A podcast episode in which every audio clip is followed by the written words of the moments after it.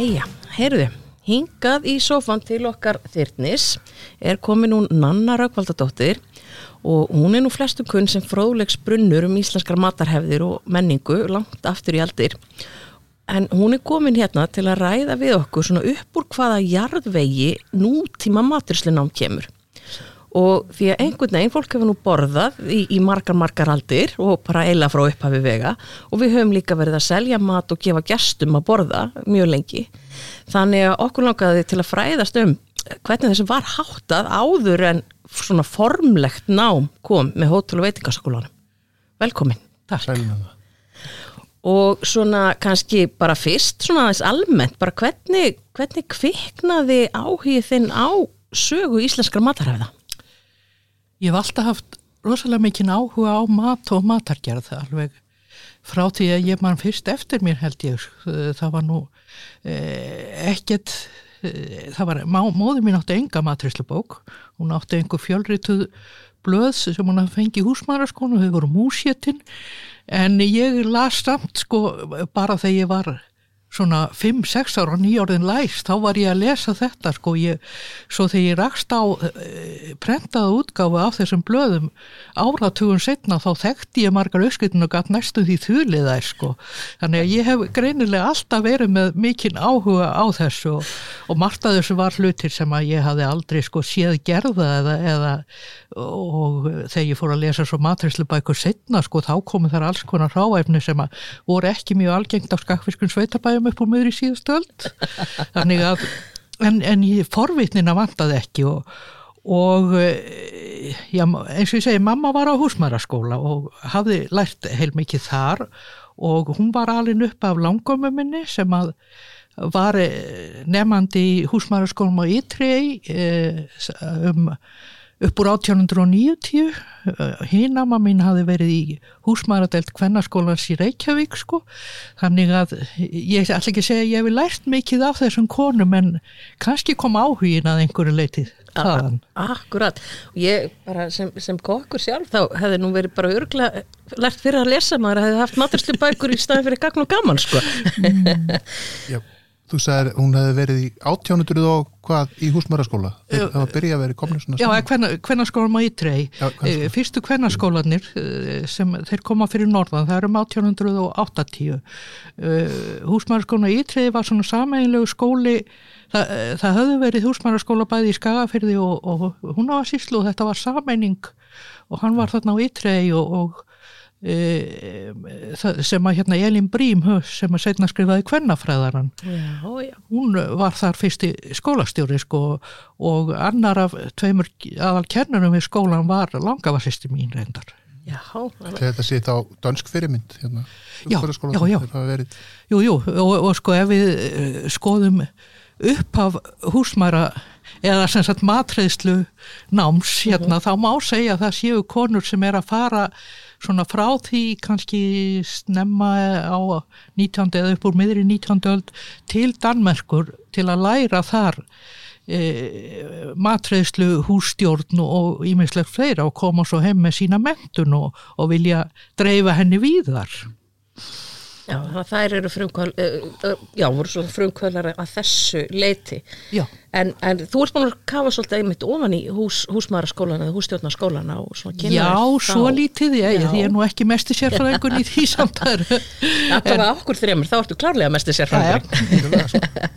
og það er alltaf eitt sem er, er alltaf aðglisvert að þessi fyrstu kvennarskólar, e, þeir eru norðanlands og svo hérna í Reykjavík, sko en, en ekki í öðrun landslutum fyrir en kemur fram á 20. stöld þannig að að kannski er uh, stór hluti af því sem við köllum íslenska matarhef það er meira norrlenskt kannski heldur en úr öðrum landslutum Nú kvikna norrlendingurinn í mér sko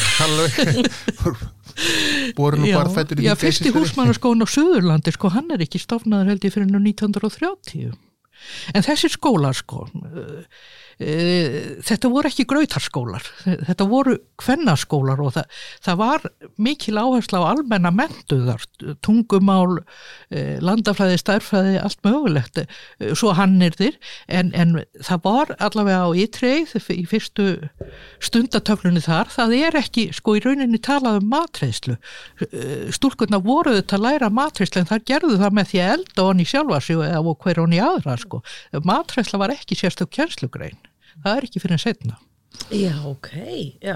En auðvitað hlýtur náttúrulega að vera heilmikið reynslega með tólkin í því að vera að elda þá væntalega einhver hluti sem við séum eldamennsku hverjum degi fyrir allan hópin kvölds og modna og upp úr því sem að þarna er þá skrifar Elin Brím sko kvennafræðana sem er fyrsta íslenska maturslubókin sem nær mikill útbreyslu var prentu fjórun sinnum sko. Já, akkurat en þetta var hérna fróðlegt ég er búin svona að glugga aðeins í, í, í söguna og, og þetta er hérna e, með hvernig þetta svona byrjaði og það verið sem að hérna hússtjórnarskólinn eða húsmaðurskólinn Ósk á Ísafyrði kemur nú hann svolítið snemma fram Jú. og svo eins og segir hérna í, í Reykjavík uh -huh. en svo er þetta ekki fyrir að Jónas frá Riplu svona fer að stað og, og setur sem að þeir svona blómaskeiðið er. Og, og það vakti aðtikli mín að það voru sérstök lög fyrir settum hústunarskóla til sveita og teki sérstaklega fram sko að það var ákveðið að vera ekkert að hampa þeim í kaupsta, það er ekki fyrir nokkrum árum setna sem að það er tekið. Það er sko þarna á þessum árum alveg frá 1800 og 8-10 rúmlega það og, og, og töluvert fram á 20-stöld þá er, sér maður oft í blöðum greinar gerna frá sko svona eldri bændum sem er að finnst þetta eiginlega óttalegur óþarfi sko. Stúrkurna sé ekki að læra rétt að hluti þær er að læra sko sveitastöld þær er að læra skýrgerð og ostagerð og, og svona elda venjulegan sveitamat en hafi ekkert að gera með, með að læra einhverja með að fara að elda einhverja fanns í búðinga og, og, og hérna steikur og eitthvað svoleið sko. Það er að halda það með einhverjum hegum bara. Já. já, já og, þá rækst ég líka á þetta sko eitt af því sem að hérna, Jónas skrifaði var það að, að hún var mikið í munum það hústjórnar skóla kennarar yrðu mentaðir á Íslandi. Já. Færu ekki að draga henni einhvern danskan ósuma Nei, nei, en sko öll þessi gömlu áhrif eru náttúrulega dansk þessar konur sem að uh, stóðu fyrir þessum fyrstu hústjórnar skólum og kvennarskólum og kendu í þeim, þær voru alla mentaðar í Danmörkur sko. Já, Og, og þær hafðu verið þar á, á húsmæraskólum og húsmærakennaraskólum og komu svo heim með sína þekkingu og kendu uh, stúrkonum og skrifuðu svo matræslubækur sko. Akkurat. Og, en svo er aftur á móti hústjórnadeilt kvennarskólan sem var kannski pínulítið sér á parti vegna þess að þar voru sko e, sem sagt stúlkur af kannski oft herri stjætt sko. Dætur reikvískra embættismann og svona þær sem að og, og ég amma mín var þarna sem sagt 1916 og var reynda fátæk vinnukon en var að fara að giftast einum ríkasta E, bónda sinni í skagafyrði sko. Þannig að hún var sendtanga til að hún geti nú lært að standa fyrir heimili almeinlega og í uppskriftabókinni hennar sko það, það er eiginlega ótrúlegt hvað maður sér þar sko þar eru, þar er parmesanostur, þar er ananas, þar er allt mögulegt sem maður hafi eiginlega ekki hugmyndum að, að væri til og, og það er áfengi í mjög mörgur réttum þó þetta sé á bannáronum sko. Það, það var hérna í kleinu uppskriftin það eru fimm matsker á konjaki Heldur þú þá að það hafi haft aðganga að þessum ráfnum til þess að hérna eða sko, ananas og parmesan Já, það var ótrúlegt já. hvað fjækst hérna sko fram að stríði allavega það, var, voru engar nánast influtningshamlur og það var verið að flytja alls konar fínir í sem sást svo kannski ekki marga áratugi Já, þannig að þá kannski hugsa maður, eh, menn hafi viljað haft áhyggjur af þessu, hérna, ekki, frekar að búa til sitt íslenska skýr bara hérna. Það, það var líka sko, vissulega. En, en það aftur á móti kannski kemur meira sko setna þegar, á kreppu orðunum sko, e, þá er bannaður innflutningur á alls konar vörum, e, ekki sísland búin að vörum, en mörgu öðru líka sko. Og þá er farið að bú, gera meiri að stofna versmiður og bú og og þá til dæmis fjölgar hænsnabúum mikið vegna þess að eh, töluvert að verið flutt inn af eggjum sko, hingað og, og smjöri og alls konar sko þá eru líka sko koma bættar samgöngur til sögurnar. Það náttúrulega er ekki tækt að reyka stórt kú að búa einhver staðar í sveit á Suðurlandi þeir eru engi vegir. Já, einmitt. Akkurat.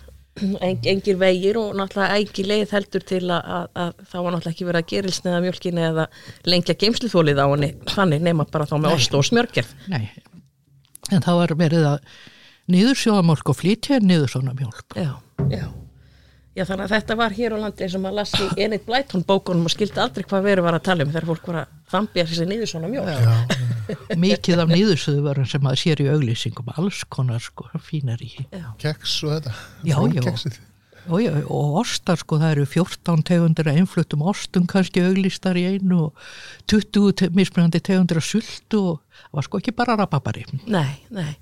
Hverjir keiftu þetta? Bara það var náttúrulega fyrst og fremst eh, efri stjettindar já, já. þetta var ekki bara í Reykjavík sko, þetta var líka í búðum út um land Þannig að Og heldur að það hafi verið svolítið um það að, hvað ég segja að stúlkur að fátækari heimilum og svolítið að ég hafði verið sendar í hústunarskóla til þess að það fengju vinnu þá á þessum heimilum til að geta eldað úr þessu fíneri Jú en sko það var líka sko það var mjög algengt að stúlkur uh, réðu sér vist á, á svona heimilu og jável sko að þær borguðu með sér sko. Það, það var með minnir að hérna bríet hérna hérna stóttir sér einhverstað að tala um að, að hérna það sé verið að, já, hér í bænum hefur þó, þó verið venjulegt að stúlkur hafa gefið eina krónu með sér um daginn þegar þær hafa komið fyrir, sér fyrir til að læra matreyslu það, það er voru að fá sko engakjænslu þá. Já, já, já. en svo, svo eru líka sko e, snemma á öldinni þá eru e, konur sem að eru með e, matreyslu námskeið sko eins og, eins og Jónina Sigurðardóttir á Akureyri sko hún var með matreyslu skóla þar þar sem að einn veturinn manni voru 50 stúlkur þar í einu sko Já, vá wow. mm -hmm. Og hvað rak hún það á Akureyri? Ja, þetta er nú ekki í neinu heimahúsi sem voru 50. Nei, hún byrjaði held ég með þetta í Karolín Rest sem að var hérna svona gisti heim, heimili þar og þetta, það var á vegum uh, Sraters sem, a, sem að stopnaði það sko og svo var hún setna með í gróðrastöðinni held ég. Já, já. Uh -huh. Og hér, þetta tíkaðist lengi sko, hér er til dæmis ég rakst á auglýsingu eða fréttatilkynningu um matríslukjörð í Hafnafrið, það er reynda komið fram með 1930 þar sem að ungfrú Sofía skúladóttir er að kenna í GT-húsinu og þetta er námski sem standa í mánuð og hér stendur sko ungfrú Sofía er mjög vel að sér í sinni ment hefur hún fyrst undan nám í Súrske hús húshólingsskóli í Danmörku, síðan var hún í Ankershús húsmæraskóli í Súru, svo hefum við verið við matrislega á Hotel Dangleterri í Kaupmannhaft sem er talið eitt allra besta hótel þar. Og þetta held ég hafi verið mjög algengur ferill hjá eh, bæði þeim sem voru að kenna matrislu og líka þeim konum sem að, eh, já og kannski kvöllum líka en aðalett samt konum sem að, eh, voru hérna sko með kostgangara eða kannski með í rauninni ráku sko veitingahús sem var þó bara fyrir ákveðna kuna sko. Já, einhvers konar greiðarsölur. Einhvers konar greiðarsölur, já. Kristín Dahlstedt til dæmis, veitingakona, hún hafði verið í Kaupmannahöfn og unnið þar á hotellum og kom svo heim og stofna, já. Já, ég heyr að þú sækir heimildir svolítið í auglýsingar. Ég sé líka já. á Facebook síðan, já, þú veit, skemmtilegar auglýsingar sem er að poppa. Já, auglýsingar segja mann ennefnilega mjög mikið, sko. Mjög mikið, sko. Blöðun. Já. Já, þau, það er náttúrulega endur spekla tíðrandan á hverjum tíma. Akkurat, og, og sína manni hvað var mögulegt að, að fá sko. Akkurat, akkurat. Það myndi ekkert vera auðlýsing ef engi myndi kaupa þetta. það er bara þannig. Mm. En svo er eitt sem er mjög svolítið forvittilegt vegna þess að núna á setni tímum hefum við litið á, á eldamennsku svolítið sem kallastarf. Já. Hvernig, hvernig hefur þú eitthvað skil, hvernig breytist þetta eða hvenar? Hver er sagan og baka það heldur? Sko ekki alveg kannski nákvæmlega en þetta er, er svona, já hluta til er þetta vegna þess að það voru náttúrulega e, sko matriðslumenn, það er talað um matriðslumenn en þeir eru fyrst og fremst á sjóð þá. Og það er mjög snemma að fara að tala um að það verði að sko efla mentun sjókokka. Og e, til dæmis e, 1936 held ég þá var matsveina námskið í Versmanni sko, 50 daga námskið þar sem að sem sagt, e, já, hér stendur sko nefndu var kent að búa til 12 kjötrétti, 14 fiskrétti, 10 síldarétti, 6 ábættisrétti og 14 súpurétti. Og svo er talað um að það hefur verið áhersla á að, að þeir notuðu grænmeti og þeir lærða að baka brauð og, og svona þannig að þarna var verið sko að, að menta pilta til þess að verða kokkar á sjóan margir þeirra urður svo kannski kokkar setna á á veitingahúsum. Þannig að að þannig hvena var hótel og veitingaskólinn aftur stopnað var það 40 eitthvað. 1955 tekur hann til starfa það var ekki fyrr sko. Nei, okay. en þeir taka þegar Mattsson félagið er stopnað 45 Já, þá átti þetta að vera fyrsta verk. Hann tókuðu tíu ár, jú, en jú. hann kom Já, já, en, en sagt e, þetta er, er kannski hluta ástæðina þannig eru, eru þessir ungu menna að fá mentun sko og það var komið náttúrulega fyrir svona námski voru haldin víðar. En e, svo voru líka sko e, menn sem hafðu farið til Danmerkur eða annara landa og lært þar á veitingahúsum eða hótelum sko og margir lærðu til dæmis um borði farþegarskipum eftir að eimskip kom til og reyndar fyrir líka. Og eh, þar eh, voru miklu frekar kallmennráðnir sko. Uh, en, en þeir fóru margir sko já til kaupmannahafnar og, og unnu þar á hótelum, bæði kallar og konur reyndar en En það, svo þegar heim var komið þá fóruðu kannski svolítið ólíkar áttir kallmenninni frekar sko á hótelin og, þó að konur væri þar líka og svo á skipin en konurnar voru kannski meira með e, veitingasölur og, og kostgangar og þess aftar. Hjeldur námskeið og, og slíkt. Já, og gerur þetta kannski meira þá útformæri sér sínum eigin heimilum voru að leiði út frá sér herbyggi og, og annars slikt. Já, já, já, það var. Svo við þekkjum náttúrulega með unuhús og fleiri staði. Jú, en þar var náttúrulega ekki sko, uh, þó að una væri með menni kosti þá er aldrei talað um hana sem matrillu konur sent sem áður. Nei, það er alltaf að maður lítið komið fram mm. hvað við borðuðu og, og, hvern, og hvernig það var. uh -huh. En hérna, já, uh, þannig að hérna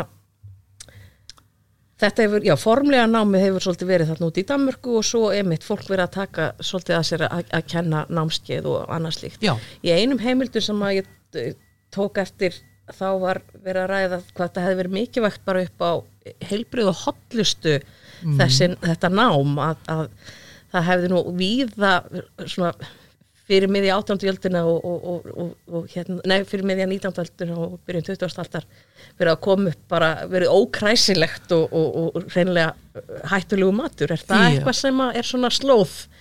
Jújú, jú, sko, í, í eldstu maturslubókunum þá er mikil áhersla á reynlæti við matagerð og e, líka næringu til dæmis í í hérna matriðslubók fyrir fátæk á Ríka sem Jónína Sigurðardóttir gaf út 1915 eða 16, ég man ekki. E, þá sem sagt er læknisfræðilegur yngárskafli sem að Stengur með Mattíasson læknir skrifar og ímislegt, það, það er mjög algengt sko á þessum árum að það sé áhersla á næringu og, og trefnað og svo líka alveg frá upphafi þá er í matriðslubókum þess tíma e, mikið áherslu á sko hvernig maturinn er borin fram. Þetta, því þetta eru maturslubækur sem eru fyrst og fremst skrifaðar fyrir borgaralega heimili, ekki fyrir kannski þrátt fyrir nafnið á bókinni maturslubæk fyrir fátaka og ríka og allt það sko, þá, þá er e, gerna miða við svona borgarlega heimili og, og, og ekki ekki einhverja sem sýta bara með askin í eh, njánum og borð hérna borðhald. Nei, nei, einmitt. Ja. það, það er talað um borðsíði skreitingar að láta réttin að líta vel út og hvernig eigi að bera eða sem sagt hvernig ég auðs á diskana og svona sko. Og einn uppáhaldssetningi mín og hvernafræðurinnum uh, sem ég man nú ekki alveg utan bókar en það, það, hún er úr þessum kafla og þar er talað um að sko ef að bara sé til eitt vasklas þá eigi sko að klára drekkur því áður en næsti maður færða Já, Ég, það er nú bara svona lámar skurtið sig Já, við erum En það þurfti að taka fram. hérna hérna. Já, þetta er og enda kannski eins og við segjum þannig náttúrulega eru svolítið umskipti frá því að sitja með askin á njánum sér og, og, og, og, og fara yfir í eins og segi borðsiði, bara sitja við borð. Það er farið að borða. Já, akkurat. En þetta náttúrulega segir, þú veist, efnahagur fólk sko, veist, það var bara greinilega var gert ráð fyrir því að það væri bara eitt glas kannski til sko, Það gat- já. drikjarmál mm mitt og, og það var oft mjög lítið um borðbúnað sko. Já, akkurat. Og áhugavert einmitt að, að, að horfa, lesa þessar heimildir og skoða auðlýsingar og annað slíkt með, með þessum augum, bara hver var raunveruleg staðan og hversu fátak við í rauninni vorum. Aha. en, en samt eins og segir alveg magnað af því að hvað fegst samt sko Já, sko vegna þess að fólk var ekki bara fátækt, það var líka til miðstjætt og það var til efristjætt sko. Þannig að það var mikill munur þar á sko. Og það er náttúrulega fyrst og fremst eh, hástjættin eh, sem er að borða á veitingahúsum á þessum tíma og fyrir utan svo uh, ferðam, eða ekki, það er ekki mikið um Ísla, útlenda túrista en það eru ferðamenn að koma til, til Reykjavíkur eða til kaupstaða það er að segja oft bændur sem er að koma í kaupstaðaferður og þeir þurftum stundum að geta sest einhver staðar inn og fengi sér að borða og, og, og uh, þarna koma til svona eh, í upphafi 20. aldar þá fara að koma þessar matsölur sko, þar sem að var hægt að fá, fá buff og, og hérna súpu og alls konar. Svona meiri að hverstasmat sko. já, já, já, akkurat, akkurat. En nú til dæmis eins og þegar kongarnir komi í heimsókn og, og, og svoleiðis sem það Íslendinga sá ástæðu til að fyrir stórkostlega vegagerð. Var, eru til einhverjar heimildur um, um hvernig, hvernig var staðið að mat handa þessum tegnu gestum? Jú, jú, það er nú til ímislegt um það, sko, það voru þetta að halda, haldna veislur og ef ég man rétt, sko, í, þegar kongurinn kom hérna 1907, þá voru fluttir inn matreyslumenn frá Danmörku, það e, þótti nú ekkert nógu fí- fínt hér, sko, til að bjóða konginum og, og þeim. E, en auðvitað Íslen, voru Íslendinga líka aðstóð, hafa lært mikið á því vafalust og það voru þarna e, svo setna sko fólk sem bæði e, kokkar á veitingastöðum og svona matargerðar konur sko. E, einn þeirra til dæmis var, var hérna hún Theodora Sveinsdóttir sko sem að man ekki hvort hún var am eða langam á Úlfars Fimbjörnssonar sko. Þannig að eh, þarna er Eh, þetta kom líka sko og svo náttúrulega þegar Hotel Borg kemur sko þá, þá er fyrsta svona alvöru fína veitingahúsið kannski. Gaman að lesa mats, gamla matsela af borginni Ég fór að hugsa um að því að við vorum að tala um konga og svona, ég veit að þeir voru náttúrulega að koma í hérna lagsveiði hérna fyrir norðan sko. Jú, jú, jú, hvernig þeir hafa, hvað að, aðbúna þeir hafa haft sko, jú, jú og svo, svo búið þá hjá einhverjum hérna höfðingja heimilum mm, víðar um land sko þá voru að koma enskir aðalsmenn og Já. svona í, í veiðar og, og það voru byggð veiðihús og þar voru ráðnir kokkar gerna, eða, eða þá einhverjar e, svona matreyslu konur sem kunnu til sem kunnu til, já. Var treyst fyrir að, að elda svona fyrir svona höfðingja sko. Kannski þá er ég búin að fara í hérna einhvern svona vist eins og við vorum að tala um að sko. já, það hefur mjög gjarna öruglega verið fólk sem hafði unnið á hótelum erlendis og þekkti sko hve- hvernig þetta átti nú alltaf vera Já, akkurat, því að það var ekkit alveg sjálf gefið að, að vita það. Nei, reynd ekki sko. Og e, Íslendingar kannski kunnu nú ekkit mikið framan af að, að veita útlendingum og, og þá, þá var gerna sko gripi til þess að eh, til ofgnóttarina, það er nú fræg frægar frásagnir af veislunni í viðei sko. Hérna, að snemma á, á 19. öld það sem að uh, sko uh, ætlaði aldrei að hætta það sem var borið fram og svo mikið af því og Já, þeir hafa ekki, ekki stútir að skamtastærðirnar fyrir, fyrir þá verslu. Nei, það var nú kannski en hins vegar sko annar máli er að á þeim tíma og, og fyrr sko þá var ekki þessi þryggjarétta eitthvað svoleiðis sko Eh, það voru margir rétti borðnir á borði í einu í, í veislum erlendis og bara við venjulega kvöldverði á höfðingjaheimilum sko það, það var kannski eh, verið að bera tíu rétti á borði í einu og svo voru þeir teknir og komið aðrir tíu réttir og svona sko. En maður þurfti að kunna sér hóf Já, já, akkurat. Að það geta bara endað illa. og gerði stundum reyndar. En hérna, já, bara takk fyrir að, að gefa þið tíma til að spjalla við okkur um þetta svona vitt og breytt. skemmtilegt hérna spjall Virkilega. Og Takk fyrir, gaman að vera hérna. Gaman að